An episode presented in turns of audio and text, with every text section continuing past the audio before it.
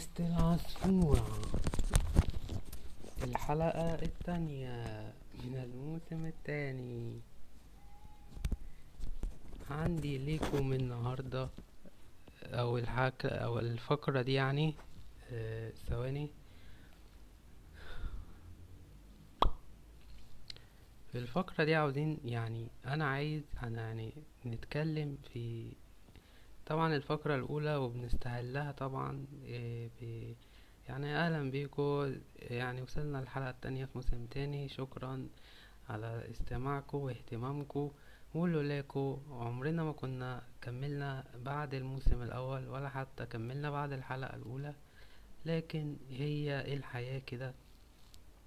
أه بسجل حلقة لنفسي. لأني اكتشفت حاجة من كتر ما أنا بسجل ومن كتر ما أنا ما بسيبش صغي- صغيرة ولا كبيرة ولا كبيرة ولا صغيرة فبسجل لنفسي الكلام اللي أنا ممكن أتكلمه لو أنا قاعد مع نفسي أو قاعد مع واحد صاحبي وفاهمين دماغ بعض. وطبعا ده مش هيحصل يعني بس أنا يعني حسيت إن أنا يعني بقيت أسمع الحلقات اللي أنا عملتها حسيت إن أنا بكلم نفسي فحسيت إن أنا بفكر بصوت عالي فبسجل آه، حلقة وأعمل بودكاست وأنشرها للناس وبتاع. وبيجي لي ردود شوية إيجابية تخلينا تشجع إن أنا أكمل يعني.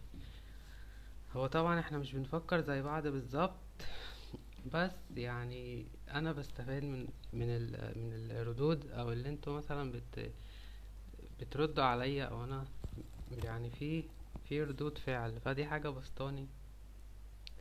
غير إن أنا يعني بدل ما أنا بقعد أسمع كلام زي مثلا أنا آه، بق- بقعد وقت كتير جدا على النت بتابع الأخبار. ف كل الأفكار ال- ال- السلبية دي خمسة وتمانين في المية يعني من الأفكار السلبية دي في دماغي يعني ملوش لازمة. فلما أنا بتكلم بحط نفسي جوه فكرة إيه، إن لأ أنا كويس أنا يعني مش مريض مثلا أو أنا مش مجنون زي ما الأفكار الأخبار اللي هي بستهلكها كل يوم غصب عني وبتجنني وبتحط جوه دماغي أفكار سلبية بتأثر على سلوكياتي. فبالتالي أنا ببقى مش عايش حياتي ومبسوط بيها فأنا يعني مثلا زي مثلا دلوقتي روسيا وأمريكا بيتخانقوا على أوكرانيا فتحس إن ممكن تقوم حرب بقى وروسيا وأمريكا والاتحاد السوفيتي تراجع وهيحصل بقى حرب عالمية وممكن يحصل يعني ممكن يحصل حرب نووية ودمار شامل وكده.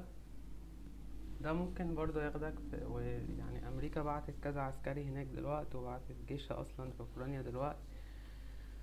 فدي من ضمن الأخبار اللي هي ممكن ت- إيه تخليك ما تف- ما تفكر في حاجات يعني مش عارف ممكن يعني تحصل حرب ومعرفش إيه بس أنا مالي أصلا يعني. أنا مجرد ما أنا دخلت في الدوامة بتاعت الفكرة دي ضيعت على نفسي إن أنا ممكن أفكر إزاي أطور نفسي وأحسن نفسي.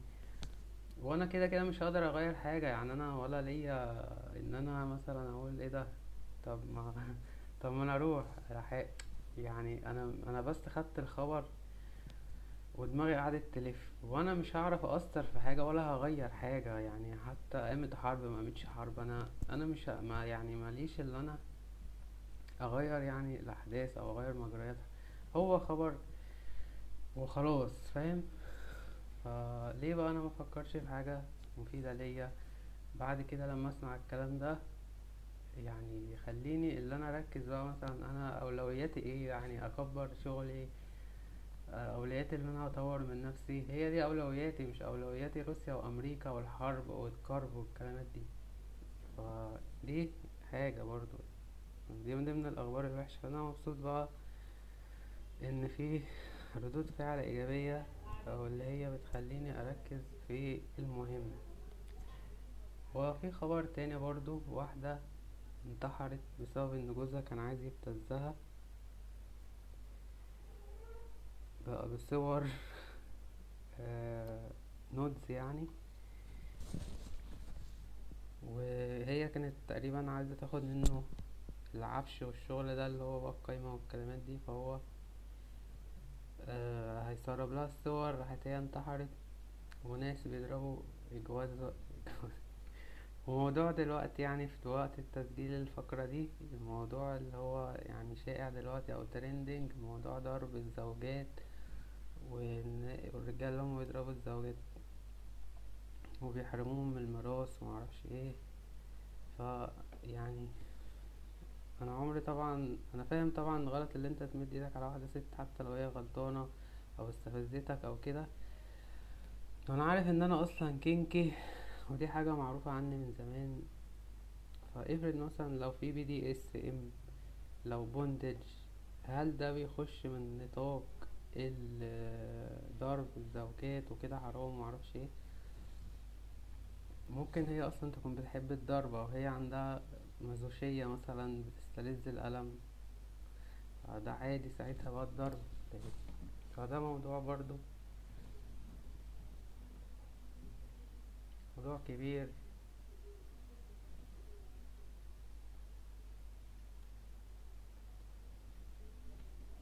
ملوش آه، ملوش يعني قرار نهائي.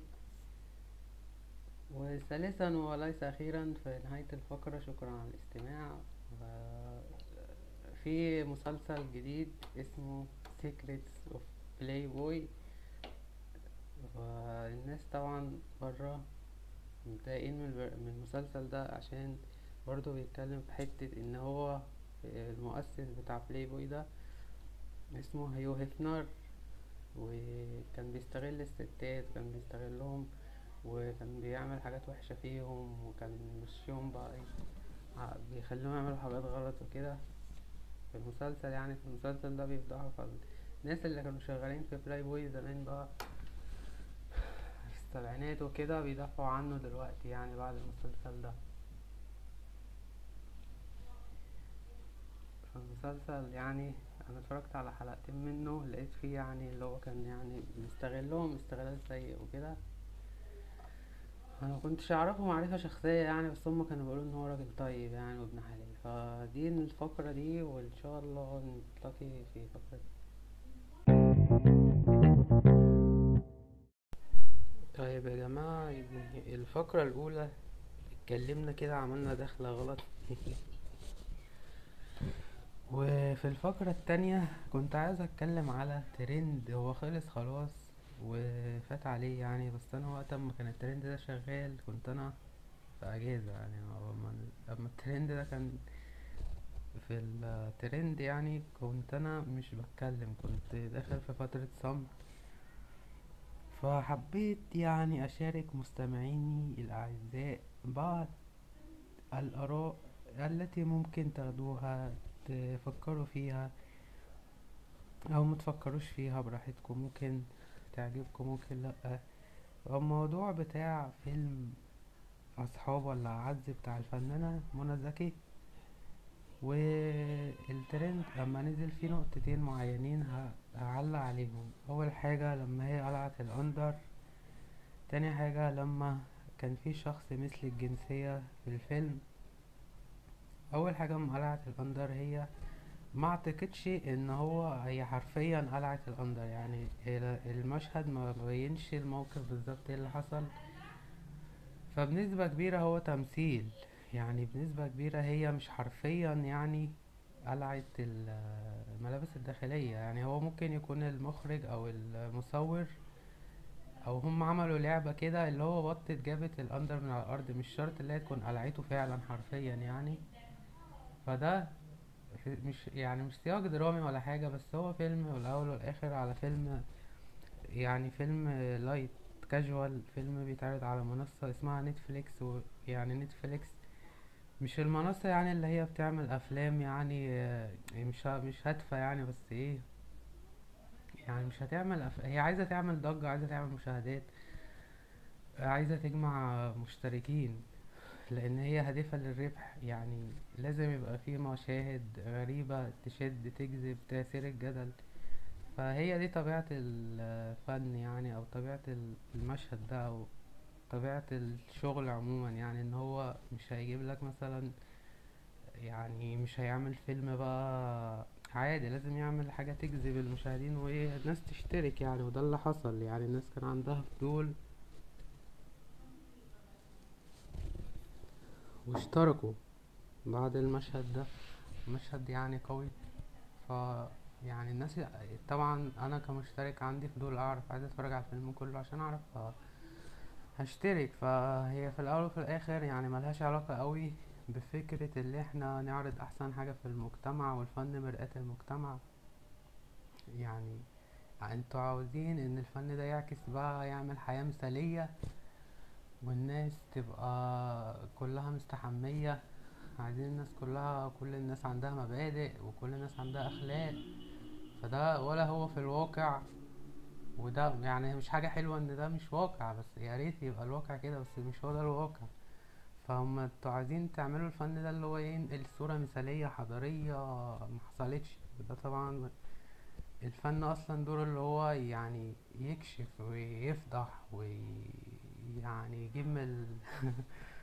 يعني يجيب كل حاجة من اللي هو حتى يعمل عليها كمان صبغة درامية أو حبكة درامية يعني و إيه، تاني حاجة الشخص اللي هو المثالي ده اللي هو برضو في ناس ومجتمع الميم ومجتمع السين كل الناس دي موجودة ومستخبيين ف مش معناها بقى اللي خلاص ما نعرضهمش ما نجيبش سيرتهم ندفنهم وما نتكلمش عنهم والناس دول موجودين وعايشين وسطنا. وممكن يبقى أي حد فينا يعني ممكن أي حد أنت تكون عارفه يكون كده بس ما بيقولكش عشان خايف منك. ممكن يكون قريبك خالك عمك خالتك آه، أي حد عيلتك ممكن يبقى كده. ممكن أي حد معاك في الشغل يبقى كده.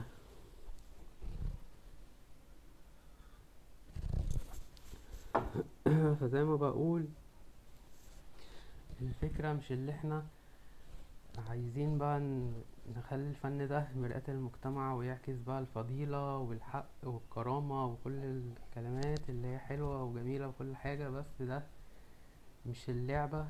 خاصة إن ده حاجة اسمها نتفليكس وحاجة اسمها إن إحنا عايزين نعمل مشاهدات وحاجة اسمها عايزين في مستثمرين عايزين آه، الناس اللي استثمروا فينا دول اللي عايزين يردوا يعني عايزين يكسبوا. فالناس اللي عملت ضجة ومتضايقين قوي علشان الفيلم ده. يعني أنا مش شايف اللي هو يستحق ال condemnation أو يتلعن يعني. أو اللي هو إنه مقاطعة أو اللي هو لأ غلط حرام مش إحنا مش المجتمع ده وإحنا مش كده. إحنا عايزين حاجة تعكس اللي إحنا كويسين وطيبين. لو عاوز كده هتلاقي بقى حاجات تانية مثالية زيك كده تروح تتفرج عليها وتتبسط بيها. وسيب بقى حوارات بقى نتفليكس ومعرفش إيه و سيب بقى حوار اللي أنت تتابع بقى الترند وسيب حوار اللي أنت لأن هو أصلا دي اللعبة كلها في كده يعني. فده رأيي المغرور. في هذه الترند اللي خلصت خلاص بس أنا ساعتها يعني ما اتكلمتش وحبيت اللي أنا أسجلها في هذه الفقرة. إلى اللقاء في الفقرة القادمة.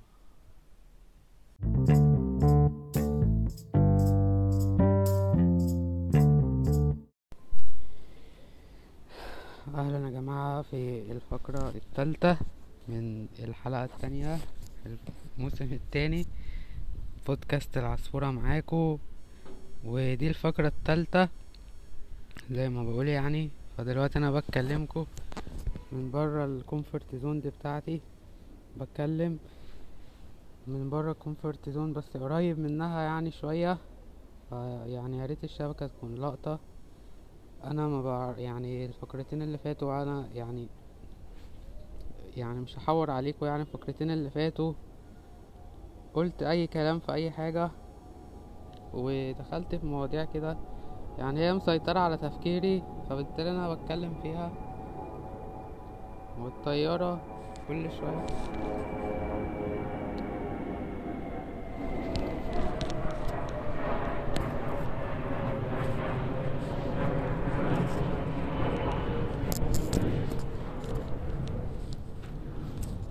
معلش ده ده كان صوت الطيارة لأن أنا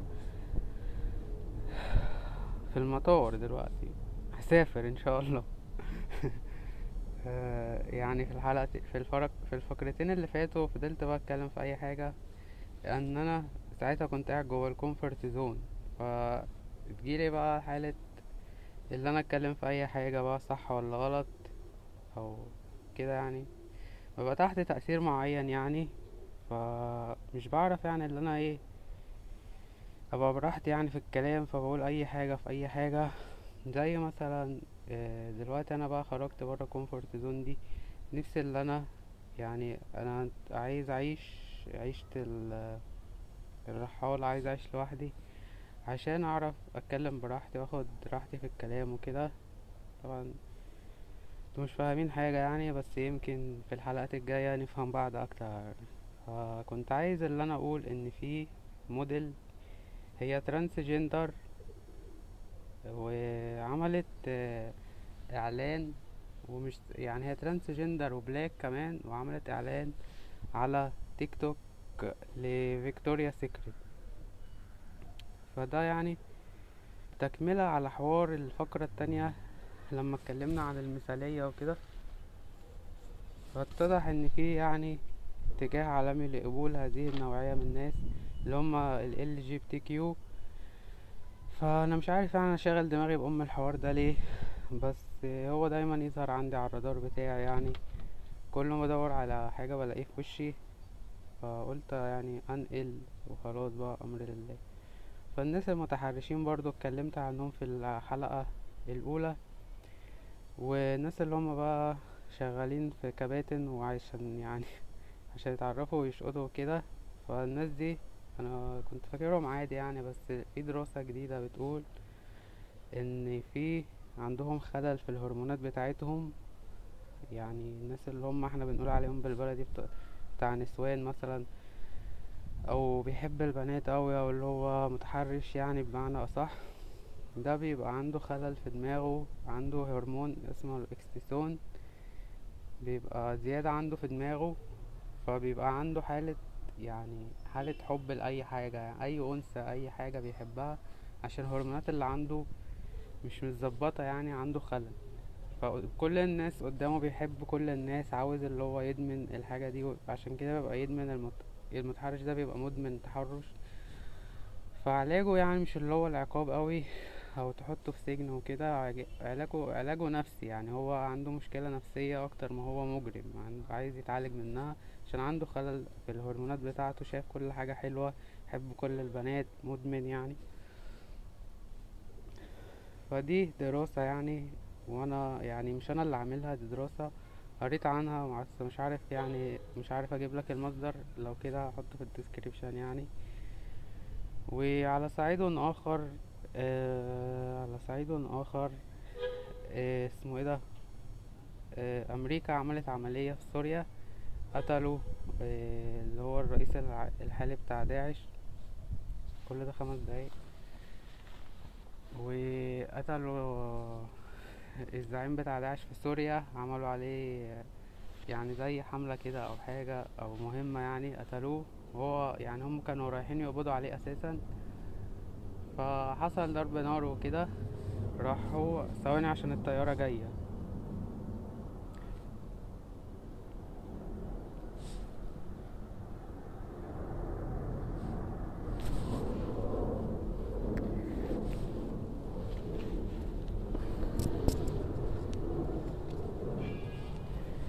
ف- فزي ما بقول كانوا رايحين يقبضوا عليه وكان هو وأهله باين ولاده ومراته وكده. فحصل تبادل إطلاق نار ومعرفش إيه وكده.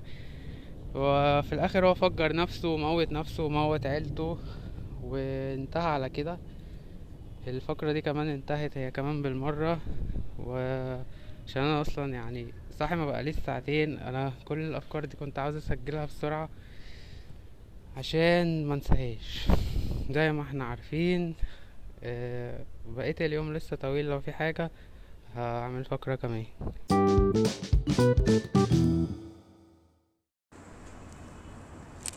ألو؟ أيوه ألو. الصوت شغال. طب يا جماعة أهلا بكم في الفقرة جديدة معايا النهاردة في في بودكاست العصفورة. الحلقة التانية الموسم التاني. الفقرة دي يعني بعملها تقريبا الفقرة الرابعة بعد التالتة. مش حافظ يعني بس كله يعني في ال description. فأنا دلوقتي برضو تاني برا ال comfort zone بتاعتي. وخايف وقلقان جدا مش عارف ليه مع إني ما بعملش حاجة غلط. يعني أنا دلوقتي قاعد في الشارع برا البيت. فده يعتبر بالنسبة لي إنجاز لأن أنا كل كل حاجاتي بعملها من قلب البيت فأهلي بيبقوا قاعدين معايا كأنهم هم قاعدين بيصوروا ويحوروا أنا بعمل إيه وكده. فعشان كده أنا بقول إن دي ال comfort zone يعني اللي أنا متعود أصور فيها. فخرجت أنا مش بصور أنا بسجل أنا بتكلم. فأنا بتكلم يعني في الشارع كأني ماسك التليفون بتكلم في الموبايل وبسجل على كده عادي بره بقى. مش عارف أنا ليه مش عارف أنا ليه قلقان كده يعني مع إني مش بعمل يعني حاجة غريبة يعني. بحس إن أنا خايف. بس يعني أنا بصنع المجد دلوقتي فلازم إن أنا آه ما خليش الأحاسيس اللي هي النيجاتيف دي تمنعني إن أنا أصنع المجد وأعمل حاجة تنفعني في المستقبل ده لو حصل يعني.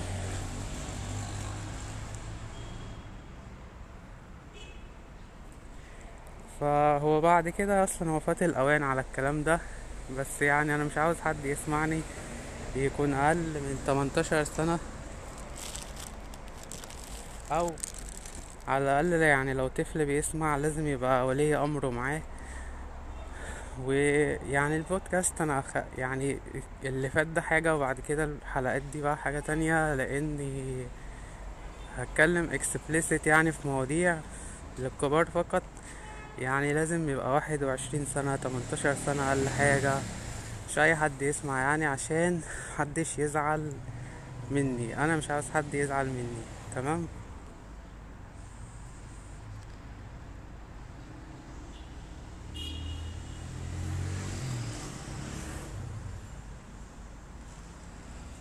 فأنا مش عارف بقى أنا كنت هتكلم في إيه أصلا.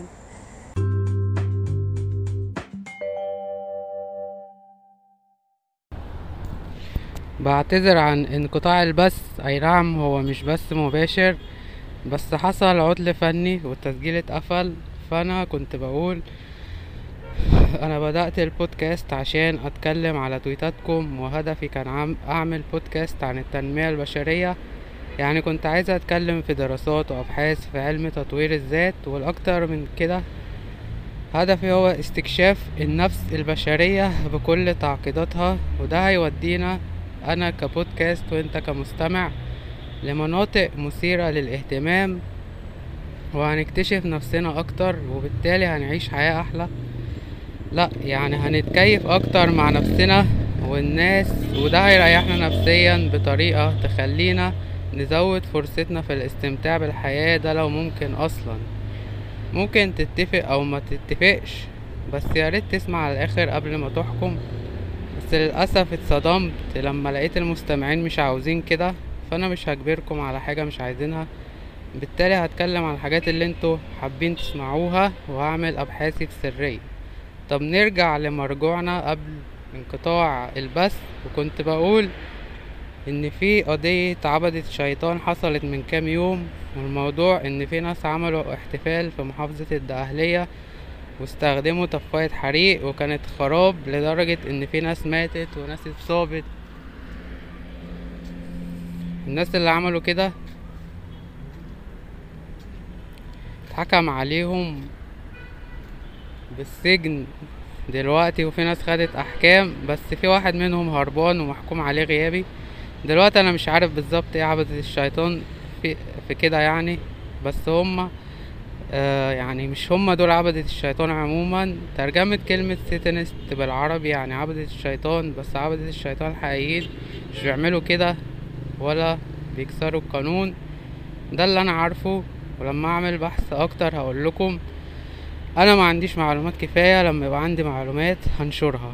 وفي قضية تانية بس دي في استراليا على الناس سرقوا جماجم من مقابر وبيستخدموها في طقوس غريبة. والقضية دي الناس شكت إن اللي عملوا كده عبدة شيطان برضو بس في الحقيقة في واحد قال إن اللي بيعمل كده يبقى مختل عقليا بس مش عبدة الشيطان. الموضوع التاني كان حساس شوية وبيتكلم عن دراسة بتقول إن في ناس مرتبطين أو متجوزين يعني أو boyfriend و girlfriend بيمثلوا على بعض. يعني مثلا الراجل لما تكون ثقته في نفسه مهزوزة شريكته بتضطر إنها تشجعه. وممكن تمثل عليه إنها مبسوطة معاه عشان ترضي غروره. لما الست بتك... بتكون بتكسب أكتر من جوزها لازم تعوض النقص ده بإنها تمثل عليه كمان. يعني ممكن تفيك الاورجازم عشان ترضي غروره وتحسسه برجولته وبتيجي على نفسها. بس ده بيتسبب في أذى نفسي وبيدمر العلاقة. هو ده ملخص الدراسة يعني وأنا بسطتها لدرجة إن المعنى ضاع. فأنا كنت بقول إن فات الأوان على الكلام ده بس يعني البودكاست هتبقى explicit يعني للكبار فقط. للي عنده 18 سنة واحد وعشرين سنة وانت طالع لو أطفال بيسمعوا يعني لازم ولي أمرهم يبقى معاهم. بما إن دي بودكاست عن التنمية البشرية فبعد شوية كده ه share معاكم مقطع صوتي كانت ياسمين صبري عملته على سبيس على تويتر بتتكلم في موضوع التنمية البشرية. والفقرة دي كده خلصت واترككم مع المقطع الصوتي وإلى اللقاء في فقرة جديدة. أنا بنت كنت اسكندرانية عايشة في طبقة متوسطة مصروفي لو خلص وهو قليل جدا جدا مع نفسي. كنت بلعب سباحة. خلاص؟ كنت كل يوم وأنا رايحة التمرين مشي من البيت كنت عايشة في بيت جدتي وجدي وكنت على فكرة في وقت من الأوقات كنت في مدرسة حكومة وأنا صغيرة. كنت وأنا رايحة التمرين بمشي مشي. كنت بقعد أتخيل إن أنا هيبقى عندي أحلى حاجة في الدنيا وكل التفاصيل أتخيلها. كنت بعمل كده وأنا مش واعية إن أنا بعمل حاجة اسمها فيجواليزنج يعني يعني بقعد أتخيل حاجة هجسدها في الحقيقة. دي دي دي استراتيجي بتمشي برضه. كنت بقعد أتخيل أنا هيبقى عندي هي حاجة تافهة بس معلش كنت بنت إن أنا يبقى عندي أحلى جزم وأحلى شنط وأحلى عربية وأحلى بيت وكل حاجة أحلى أحلى أحلى أحلى أحلى. وما عنديش أي حاجة في إيدي تدل إن أنا هحقق ده. بس كنت دايما أشعر أنا أستحق. أنا أستحق. كنت دايما أشعر أنا محظوظ. كنت دايما أتخيل. عارف الناس وهي ماشية تقعد تسرح. أيام بقى ما كانش في موبايلات وأنت عينك في الموبايل وكده. أنت ماشي مع نفسك. فكان دايما كل خيالي بيسرح للمستقبل وبقعد أرسمه في خيالي. آه جيت بعد كده حققت منه جزء. قعدت آه أحلم في المرحلة اللي بعديها. كل مرحلة بتوصل لها بتكبر حلمك. أنا بحلم إزاي بقى؟ أنا بقعد أتخيل أتخيل أتخيل. ده قانون الجذب بقى. وما كنتش أعرف برضو إن أنا بعمله. دايما أتخيل. وكنت بحب نفسي. فيعني إيه بحب نفسي؟ يعني ما اختلطش بحاجة ملهاش لازمة. ما كنتش في مكان ملوش لازمة. ما كنتش في حاجة هتقلل مني. لأني شايفة إيه؟ إني أستحق. إزاي الإنسان يشوف إن هو يستحق ويفضل يهين نفسه يقلل من نفسه يقلل من شأنه. مش هيعمل كده أوتوماتيك. هيفضل حاطط نفسه في حتة الناس هتبتدي تشوفك فيها.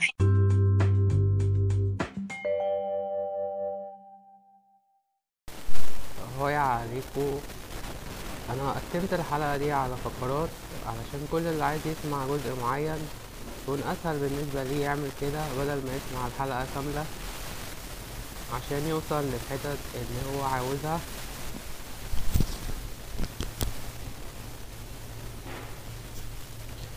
طبعا أنا أتمنى إنك تسمع الحلقة كاملة بس برضو عشان أوفر وقتك هتلاقي كل فقرة بتتكلم عن موضوع منفصل فتقدر تنقي وتختار عايز تسمع إيه.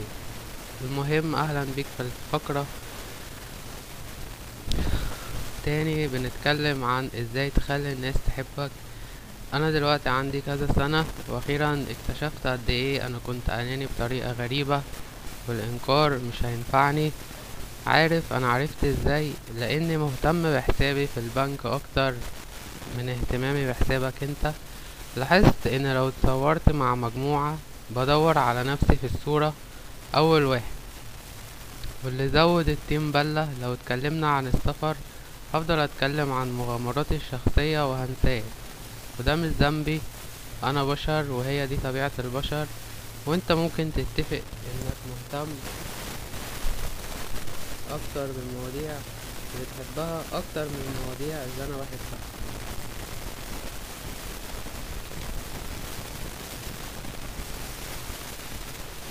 خلينا متفقين إن المعرفة قوة وخلينا نتفق إن الإنسان أناني بطبعه. عشان لما ندرك الحقائق دي هيكون عندنا قوة كبيرة إننا نبني علاقات صحية أكتر مع كل الناس حوالينا من أول أهلنا في البيت لزمايلنا في الشغل وشركائنا في البيزنس بس التعامل على أساس إن البشر آنانيين بطبعهم بيتطلب مجهود خرافي لأننا كده مش بننكر لأننا كده مش بنفكر في نفسنا بنفكر في الناس. الفكرة الفكرة دي جات لي الفكرة دي جات لي من قصة قريتها عن واحدة كانت في مناسبة اجتماعية مهمة وكانت واقفة مع واحد من المشاهير وبعدين جه شخص وعرف نفسه وبدأ الكلام عن نفسه وفضل يتكلم عن نفسه أكتر من ربع ساعة عن إنجازاته ونجاحه في الحياة عشان يأثر فيه ويخليه عشان يأثر فيها ويخليها تعجب بيه. بس كان كل ما يتكلم أكتر كل ما هي كانت بتفقد الاهتمام بيه هي والشخص المشهور اللي كان معاها. والغريب إننا كل ما بنحاول نجذب الناس كل ما بيبعدوا عننا. كل ما نحاول نخلي الناس بيتكلموا عننا. قصدي كل ما كل ما نحاول نخلي الناس يتكلموا عن نفسهم كل ما بيفكروا فينا. أكتر لما اتولدنا كلنا كنا لينا ودنين وبق واحد ودان مفتوحة على طول وبق ممكن نقفله وده درس مهم في الحياة. لو كان الشخص الغريب سأل عنها أو الشخص اللي معاها وسابهم يتكلموا عن نفسهم كانوا هيحبوه أكتر ويتقبلوه أكتر وكده يعني. ديل كارنيجي كتب كتاب اسمه آه، ديل كارنيجي كتب كتاب من سنة 1937 اسمه كيف تكسب الأصدقاء وتؤثر في الناس وكتب عن ست طرق تخلي الناس تحبك. أول حاجة إنك تكون مهتم بجد بالناس التانيين ثانيا إنك تبتسم ثالثا افتكر أسمائهم اتعلم تسمع لهم واتكلم عن اهتمامات الشخص اللي قصادك التركيبة دي من الأفعال هي ضد طبيعة البشر هتخلي الناس تحبك من غير ما يحسوا لو وباء الكوفيد بدأ يختفي هنتواصل مع الناس أكتر ويمكن ده الوقت المناسب إننا نقرأ كتاب تاني لأنه كتاب أساسي في التنمية البشرية. بس خلاص.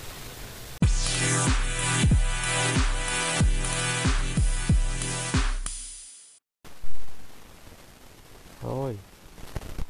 في الفقرة دي هنخرج برا الصندوق شوية ونسافر ولاية تينيسي عشان نعرف آخر الأخبار عن السحر الأسود. وهتناول خبر بيتكلم عن حرق كتب هاري بوتر السحرية. للقس جورج لوك عمل محرقة للكتب عشان يتخلص من القوى الشيطانية. شجع أتباعه إنهم يرموا كتب هاري بوتر وتوايلايت في المحرقة وقال إنها مية في المية سحر أسود في post على إنستجرام. يوم اتنين فبراير القس اللي من تينيسي عمل مناسبة كبيرة وحرق فيها الكتب دي وذاع الحفلة دي على فيسبوك live كمان. وكان هدفه إنه يحارب السحر الاسود وكتب في post على انستجرام إنه مش مهتم بالحاقدين لأن الكتب دي كلها سحر أسود والتعويذ اللي فيها حقيقية. بس فيسبوك مسحت ال post اللي قال فيه إن الكتب دي بتدخل الشيطان جوه البيت على حسب جريدة الجارديان. المناسبة دي حصلت أثناء إن في حركة عامة من المدارس إنهم يمنعوا الكتب الأدبية اللي بتتناول مواضيع السحر والشعوذة وفي أول شهر فبراير طالبة أحد أولياء الأمور مدرسة مدرسة بنتها إنها تشيل كل نسخ السيرة الذاتية للسيدة الأولى السابقة ميشيل أوباما من على الرفوف وقالت إن السيرة الذاتية اللي هي عبارة عن كتاب للأطفال بيربي الأطفال على الأفكار اليسارية وبيتنمر على البنات البيض. وبيصور الرئيس السابق دونالد ترامب على إنه بلطجي ومتنمر وفي يناير مدرسة في تينيسي عملت انتخابات عشان يشيلوا الكتاب في صور, غريبة مع إنه فاز بجايزة كبيرة. صور عن ناس مشنوقة وأطفال بيتم قتلهم وقال عضو في مجلس الإدارة إن النظام التعليمي مش ممكن يعرض عرض الأطفال للكتب دي لأنه مش صح. ودي مش أول مرة يتمنع فيها كتب هاري بوتر في تينيسي سنة 2019 مثلا. في قسيس في مدرسة كاثوليكية محلية منع سلسلة الكتب المعروفة من مكتبة المدرسة وقال إن التعويذ واللعنات الموجودة في الكتب حقيقية. لما يراها الإنسان ممكن يحضر أرواح شريرة في الحقيقة. ومحرقة الكتب الأخيرة ما كانتش الأولى ومش هتكون الأخيرة. والسنة اللي فاتت في شهر يوليو منع أتباعه إنهم يلبسوا ماسكات. لو أي حد جيب ماسك كان بيطرده. وقال أي حد هيجيلي لابس ماسك والهبل ده أنا هطلب منه ينصرف. في خمسة وعشرين يوليو قال لأتباعه أثناء ما كان بيقدم لهم الموعظة يوم الحد قال لهم أنا مش هلعب ألعاب الديمقراطيين جوه الكنيسة. وكمان كسر قواعد التباعد الاجتماعي في إبريل عشرين عشرين وقال إنه بيصلي وبيدعي للصلاة أثناء اقتحام مجلس الشعب الأمريكي يوم ستة يناير. وإلى هنا تنتهي الفقرة وإلى اللقاء في فقرة جديدة في الحلقة الثانية من بودكاست العصفورة. ما تخليش حد يسكتك هاي في الحلقة الأولى اتكلمت شوية عن مؤامرة الأفروسنتريك بس في الفقرة دي حابب إن أنا أرغي شوية عن الموضوع لأني جمعت شوية معلومات جديدة وحابب أشاركها معاك. بيقولك قبل ما الصهاينة يحتلوا فلسطين عملوا مؤتمر كبير في مدينة بازل السويسرية سنة 1897 وبعدها رئيس الوزراء البريطاني بيل فور إداهم وعد إنهم يحتلوا فلسطين بما إنها وطنهم التاريخي على حسب زعمهم. ومن هنا بدأت المؤامرة. وفي حاجة شبه كده بتحصل لمصر في الزمن اللي إحنا فيه. دلوقتي عايزين يدخلوا من حتة التفرقة العنصرية بين مصر وأفريقيا. حركة الأفروسنترية دي أيديولوجية متأسسة من زمان في الولايات المتحدة الأمريكية وكان زعمائها من الأمريكيين اللي من أصل أفريقي وبتقول إن المصريين الحاليين مش أصلهم أفريقيا فبالتالي هما مش أفارقة والمفروض يطردوا من أفريقيا. الأيديولوجية دي فضلت تكبر وتنمو مع الزمن وهي دلوقتي منتشرة جدا في بلاد أفريقية وأوروبية وحتى في دول شمال أفريقيا. ومؤسسين الحركة دي هما موليفي أسانتي وأنت ديوب السنغالي. وبدأوا ينشروا أفكارهم في عشرينات وتلاتينات القرن العشرين والحركة دي اتشهرت أكتر في السبعينات والتمانينات مع تحرر الأمريكيين من أصل أفريقي من العبودية والفصل بين الرجل الأبيض والرجل الأسود. الخلاصة هي إنها حركة عنصرية ليها فروع في كل دول العالم ومبنية على فكرة تفوق الرجل الأسود أو صاحب البشرة السمراء وهدفها الأساسي طرد الرجل الأبيض من قارة أفريقيا خاصة شمال وجنوب أفريقيا يعني أفريقيا للأفريقيين. معنى كده إن مصر مش لوحدها المستهدفة لأن ده كمان أي عرق مش أسود المطلوب القضاء عليه وطرده من القارة. يعني حتى الأوروبيين البيض اللي في جنوب أفريقيا. وهم مقتنعين جدا إن حضارة الفراعنة كانت حضارة إفريقية كل الحضارات التانية زي الحضارة المغربية والحضارة القرطاجية أصلها أفريقي. وبيقولوا إن سكان شمال أفريقيا الأوائل كان لونهم أسود. بالتالي كل الحضارات دي أصلها من أفريقيا وباقي الأعراق مجرد محتلين. سنة ألفين وخمستاشر في شهر يوليو الفرع اللي في فرنسا اقتحموا السفارة المغربية في باريس وأخدوا رهاين وطلبوا إخراج المغربيين من أفريقيا لأن أصلهم مش أفريقي وكان أهم مطالبهم إن المغرب تعترف وتعتذر رسميا عن استعباد المغاربة من أصل أفريقي وطالبوا كمان باعتراف الحكومة المغربية باستقلال وادي درعا وجنوب شرق المغرب لأن دي أراضي أفريقية بتنتمي لقبيلة الحرتانية. وفي أمريكا مالكوم إكس كان أبرز رموز ال Afrocentric في ستينات القرن العشرين لأنه أمريكي من أصل أفريقي وقال في مقابلة صحفية عندما تتفقد تمثالا فرعونيا مصريا قديما. فأنت تريد ربط الرجل الأسود والمصري القديم. فتأكد أنك تنظر إلى نفسك وأن الرجل الأبيض يريد أن يسرق هذا التاريخ له.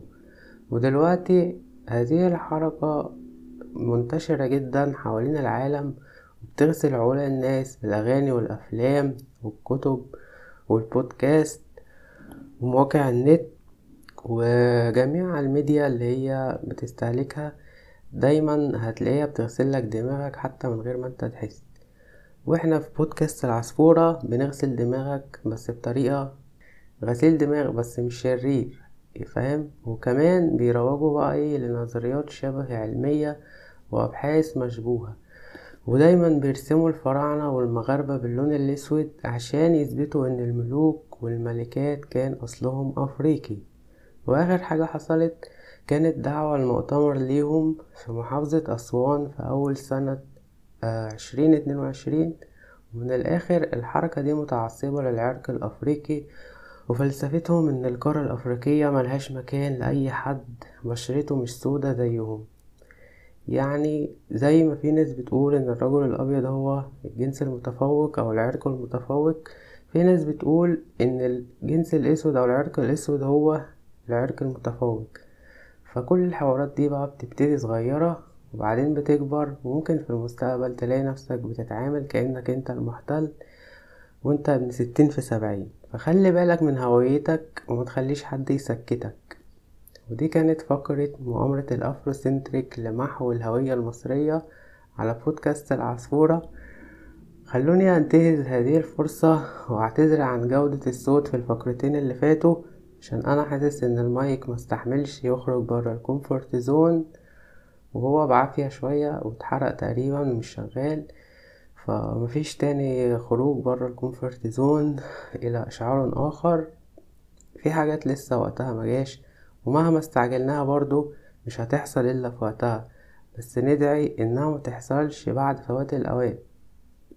تاني معلش عشان جودة الصوت مش حلوة بس أتمنى تكون اتحسنت في الفقرة دي.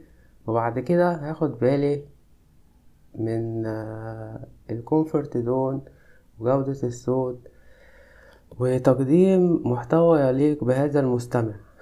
ومرة تانية خلينا أختم الفقرة دي بمقطع صوتي للفنانة ياسمين صبري وهي بتتكلم عن ليه الناس كده في سبيس على تويتر للأستاذ تامر عبدو أمين.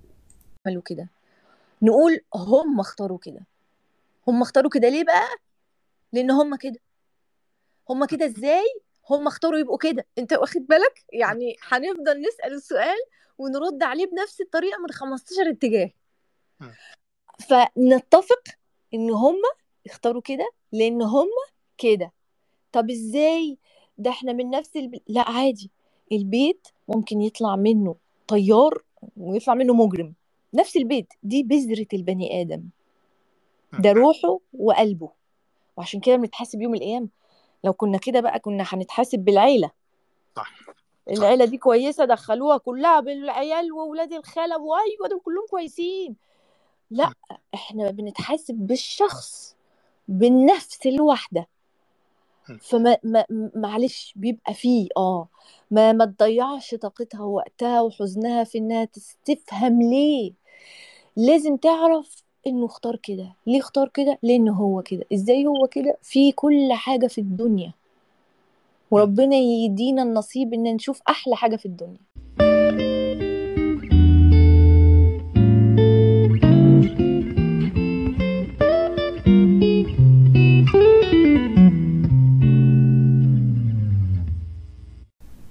طيب يا صديقي المستمع نفكنا شوية من جو المؤامرات وجو الشعوذة والكلمات دي. ونخش في حلقة أو فقرة تانية يعني نهدي بيها النفوس شوية فقرة العادات السبعة للأشخاص الأذكياء عاطفيا. يعني نرجع لهدفنا من هذه البودكاست اللي هو التنمية البشرية وبعد كده كل شيء يعني بالحنية بيفك. في ناس بتقدر تهندل مشاعرها بسهولة بس مش كل الناس كده.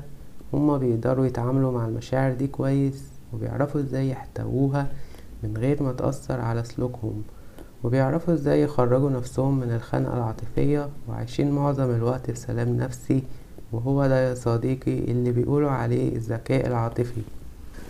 الذكاء العاطفي موضوع مهم جدا ويستحق أعمله فقرة لوحده وأنت أكيد سمعت عنه في الفترة الأخيرة. عشان كده حبيت أتكلم عنه شوية وده كمان لأن مهارة الذكاء العاطفي هيساعدك في كل جوانب حياتك من الأهل للأصدقاء للعلاقات وفي الشغل كمان. في الواقع الذكاء العاطفي لا يقل أهمية عن الذكاء العقلي. لو هنتكلم عن التنمية البشرية وازاي انك تعيش حياتك سعيد وناجح وبوزيتيف إيه هو الذكاء العاطفي بالظبط؟ الذكاء العاطفي هو القدرة على إدراك وتقييم والتعامل مع المشاعر والذكاء العاطفي مش مجرد إنك تقدر تسيطر على مشاعرك وقت الغضب بل هو بيمتد أيضا ليشمل يعني إنك قادر على تفسير وتحليل مشاعرك الأول. الذكاء العاطفي كمان بينقسم لأربع مهارات فرعية القدرة على إدراك المشاعر قدرة على التعامل بالعقل مع المشاعر قدرة على فهم المشاعر القدرة على التعامل مع المشاعر. طب إيه هي الحاجات اللي بتميز الأشخاص اللي عندهم ذكاء عاطفي عالي عن الناس اللي ما عندهمش ذكاء عاطفي أو عندهم على قدهم؟ العلماء حددوا سبع صفات. أو الباحثين يعني. اولا إنهم مركزين مع مشاعرهم وبياخدوا وقت إنهم يقفوا ويسألوا نفسهم هم حاسين بإيه دلوقتي وإيه اللي مخليهم حاسين الشعور ده وإيه الأسباب الخفية اللي خلتهم يحسوا بالإحساس ده أساسا. وكمان هم مدركين إزاي مشاعرهم بتأثر عليهم وعلى الناس حواليهم. ثانيا بيقبلوا المشاعر السيئة بدل ما يهربوا منها. بيقدروا يتعاملوا بحيادية مع المشاعر المؤلمة من غير ما يحسوا إنهم بيعملوا حاجة عيب أو إحراج من شعورهم بإنهم مكشوفين. وبعد كده بينسوا وبيعدوا الموضوع بيصبح ذكرى. آه ثالثا بيقدروا ينظموا مشاعرهم وبيفكروا كتير قبل ما يتصرفوا. مش بيعملوا أي رد فعل وخلاص وعمرهم ما بياخدوا قرار مبنية على مشاعرهم ما عمرهم ما ياخدوا قرارات مبنية على مشاعرهم بس ولا بيسمحوا للمشاعر إنها تتحكم في حياتهم. رابعا بيكونوا مرنين وبيقدروا يتكيفوا مع أي وضع. الناس اللي عندهم ذكاء عاطفي مدركين إن مفيش حاجة بتفضل على حالها بالتالي بيتأقلموا مع أي حاجة بتحصل لهم وبيقبلوا التغيير بدل ما يضيعوا طاقتهم في خناقات مش مفيدة. خامسا بيتعاملوا مع أخطائهم بحب ومش بيظلموا نفسهم لأنهم فاهمين إن كل الناس بتغلط وإننا بنتعلم من أخطائنا. عشان كده بدل ما يتعودوا على إنهم يلوموا نفسهم أو يتكلموا مع نفسهم بطريقة جلد الذات بيفكروا إزاي يقدروا يحسنوا من نفسهم في المستقبل. سادسا بيكون عندهم حزم وبيعرفوا إزاي بيعرفوا إزاي يحطوا حدود لنفسهم وللناس في حياتهم. وكمان لأنهم مهتمين بصحتهم العاطفية الناس اللي عندها ذكاء عاطفي بيكونوا عندهم صراحة في الحاجات اللي ممكن يقبلوها وممكن يرفضوها. وعارفين إزاي يكونوا طيبين ومؤدبين وعندهم ذوق وجانتيه بس في نفس الوقت مش بيسمحوا لحد يتخطى حدوده معاهم وبيعبروا عن ده بطريقة واضحة ومهذبة ومباشرة. سابعا دايما تلاقيهم منطلقين للأمام ومش بيضيعوا وقت على التفكير في الماضي. دايما تلاقيهم عايشين على طبيعتهم وبيتعاملوا مع العالم دلوقتي مش بيبصوا وراهم وفاهمين إن مفيش حاجة مفيدة إنك تفضل تعيد الماضي أو تفضل عايش على الذكريات بالعكس بيكونوا إيجابيين في الحياة ودايما في تقدم. ودي يا صديقي نهاية الفقرة. أتمنى تكون نالت رضاك وإلى أن نلتقي في فقرة جديدة. لك مني أرق الأمنيات بدوام العافية والذكاء العاطفي. طيب يا صديقي الفقرة دي كمالة عدد عشان طلبت معايا أخلي الحلقة دي توصل لساعة. فاعتبروها ختام يعني لهذا الخراء الإذاعي وتكون مسك الختام عشان أنا مش عارف أجيب حشو للحلقة منين تاني. طيب موضوع الفقرة دي زي ما شفتوا في العنوان هو اكتشاف فوائد جديدة لفيتامين دي واللي معظمنا already عارفينه إنه فيتامين دي مفيد للعظام وإن جسم الإنسان مش بينتج كمية كافية منه بشكل طبيعي بس بيعوض من أشعة الشمس والأكل اللي بناكله الدايت يعني والمكملات الغذائية. طبعا فيتامين دي بيقوي المناعة زي ما إحنا عارفين أو مش عارفين بس ادينا عرفنا بس يا سيدي المواقع دلوقتي بتتكلم عن ست فوائد غير كده لفيتامين دي يعني مفيدة للجسم ككل. المواقع الصحية والساينتفكية بتقول إن تسعين في المية من خلايا جسم الإنسان بتحتاج الفيتامين ده عشان تكمل مهمتها وده معناه إنه فيتامين ضروري جدا للجسم عشان يحافظ على صحته. فبما إن بودكاست العصفورة مهتم بالصحة يعني وكده وأنا يعني مش طورت هذه المهارة عشان أركنها فقلت يلا ندردش شوية في فوائد فيتامين دي. يلا بسم الله. اولا هو بيساعد على تكبير العضلات وتحسين أدائها. العضلات يا صديقي مش مجرد منظر وخلاص دي بتلعب دور أساسي في إنها بتحافظ على الهيكل العظمي متماسك. فيتامين دي بيعمل إيه بقى؟ فيتامين بي دي أو د. ضروري عشان يحافظ على كتلة العضلات سليمة لأطول وقت ممكن. وممكن كمان يحافظ على تماسكها وده بيؤدي إنه يحافظ على شكلها الخارجي كمان. طيب أنا مش دكتور ولا بدي نصايح طبية بس ده خبر حبيت انقلكوا عصفورة فبيقولك إن العضلات دي يعني عارف أنت الهيكل العظمي؟ بيبقى فيه عضلات بتمسك الغضاريف ببعض ويعني بص هتفهم بس استنى. ثانيا ثانيا بيحفز مضادات الأكسدة. إحنا عارفين من حصة البيولوجي يا صديقي إن الخلية دي عبارة عن مصنع وكل مصنع عليه مخلفات. بعد ما الخلية بتهدم الأكل وتحوله لطاقة بيبقى فيه شوية مخلفات. المخلفات دي بتبقى عبارة عن شحنات سلبة أو موجبة في الجسم لو زادت عن الحد ممكن تقلب بجد ممكن تعمل التهابات وأمراض يعني هي في كميات قليلة طبيعي بس لما بتزيد بتقلب. بس الجسم برضو بيفرز برضو زي إنزيمات اسمها مضادات الأكسدة ودي بتظبط الشحنات الزايدة دي وبتعمل زي توازن. وبتتخلص يعني بتخلصك من إيه ال free radicals دي اللي هي بتبقى مخلفات. فيتامين دي بقى دوره إيه بقى؟ فيتامين دي بيخلي الجسم يفرز مضادات الأكسدة عشان يتخلص من المخلفات شوف إزاي سبحان الله والله. ثالثا السكس. فيتامين دي بينفع الرجالة والستات في زيادة الخصوبة والإنجاب لأن ده بيحفز هرمونات السكس على مستوى البويضات يعني مفيد للحوامل كمان لأنه بينظم شوية النشاط الخلوي في الرحم والجهاز التناسلي عموما. يعني الجهاز بيبقى فيه هرمونات وليلة كبيرة بتحتاج يعني regulation أو balance للهرمونات دي.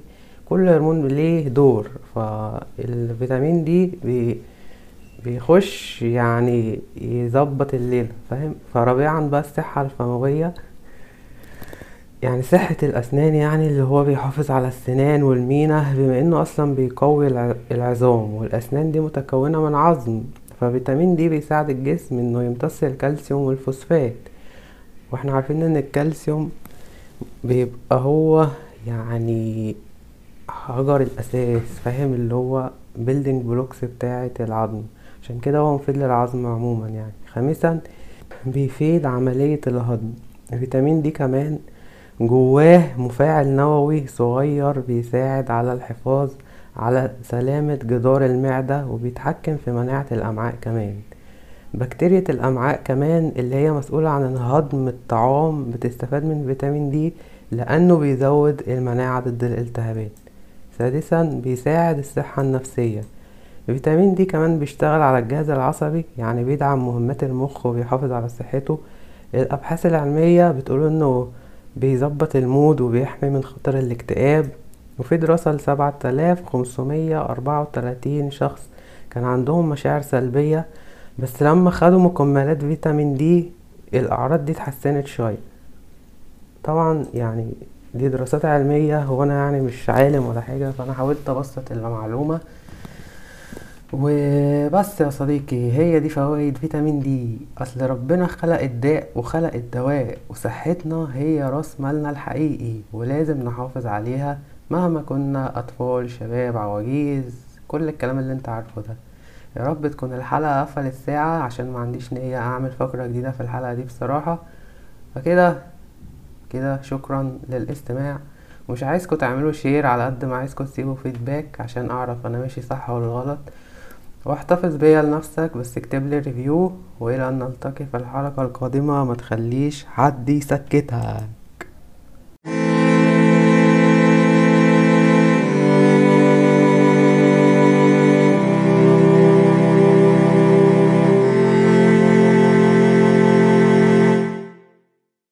والله مش عارف الحلقة مش عايزة تقفل على ساعة ليه بس نرجع لعادتنا القديمة بتاعت كومنتات على تويتات. فقدامي شوية تويتات كده أما نشوف بيقولوا إيه. أحلى حاجة في حوار الكمامة إنك لما بتمشي تكلم نفسك في الشارع محدش بياخد باله. والله الناس واخدة بالها من كل همسة وكل لمسة. كل حاجة الناس واخدة بالها كمامة أو من غير كمامة. حاسس كده إن العالم محتاج كورنتين تاني. هو العالم لسه في الكورنتين أصلا الكورنتين لسه مخلص زمان ما كنتش فاهم ليه الديك بيبدأ يومه بالصياح but now I understand. طب فهمنا طب عشان إحنا برضو عايزين نفهم ليه. نفسي أبطل إني أسكت أسكت وبعدين أنفجر. دي رخمة أوي. ده شيء طبيعي فينا مش هنغيره. إنسان لا يرغب بأكثر من أيام هادئة وقلب مطمئن وألا يمسه فزع أو شك ولا خيبة داخل محيطه الآمن وشخص يشاركه الطريق يشكيه مرارة الأيام حياء جمال. ودمتم. أنا آسف بس لو سمحت يعني كل ساعتين تعبريلي عن حبك بوجودي في حياتك عشان دماغي بتسوحني. اخلصي منه ده شكله insecure و needy وهيتعبنا معاه. هل وصلت لمرحلة إنك تخاف يبقى عندك feelings لحد ولا are you normal خالص والله ال feelings feelings يعني إيه اللي هيخوف يعني؟ ده إحنا بنعبي ال feelings في ازايز نبيعها كمان. أحيانا بكون حابة الوحدة اللي أنا فيها فشخ وبشوفها أريح بس ساعات ببقى حاسة إني بسببها مليش حياة أصلا. طبيعي برضو كل الناس بتحس بكده يعني. أنا أعرف ناس زعلانين مني على اللي عملوه فيا. والله برافو عليك شاطر. ها وصلنا ولا لسه؟ ده لسه بدري. كيفية ضرب شخص عبر الواتساب؟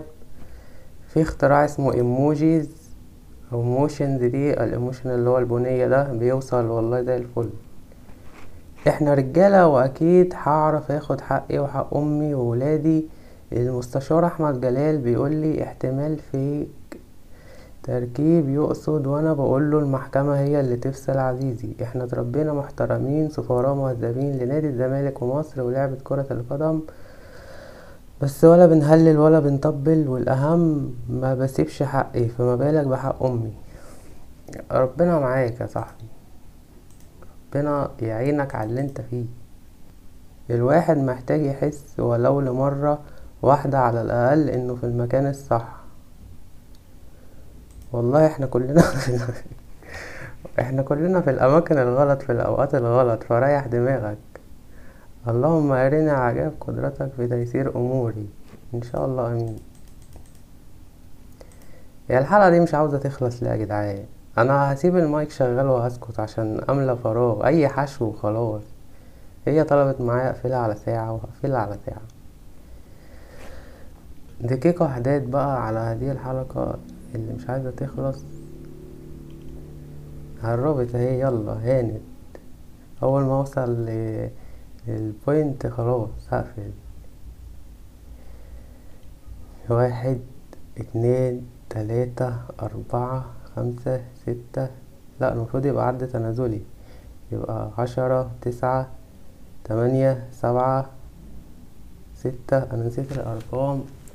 خمسة أربعة تلاتة اتنين واحد. happy new حلقة يا عصافير. see you في الحلقة القادمة.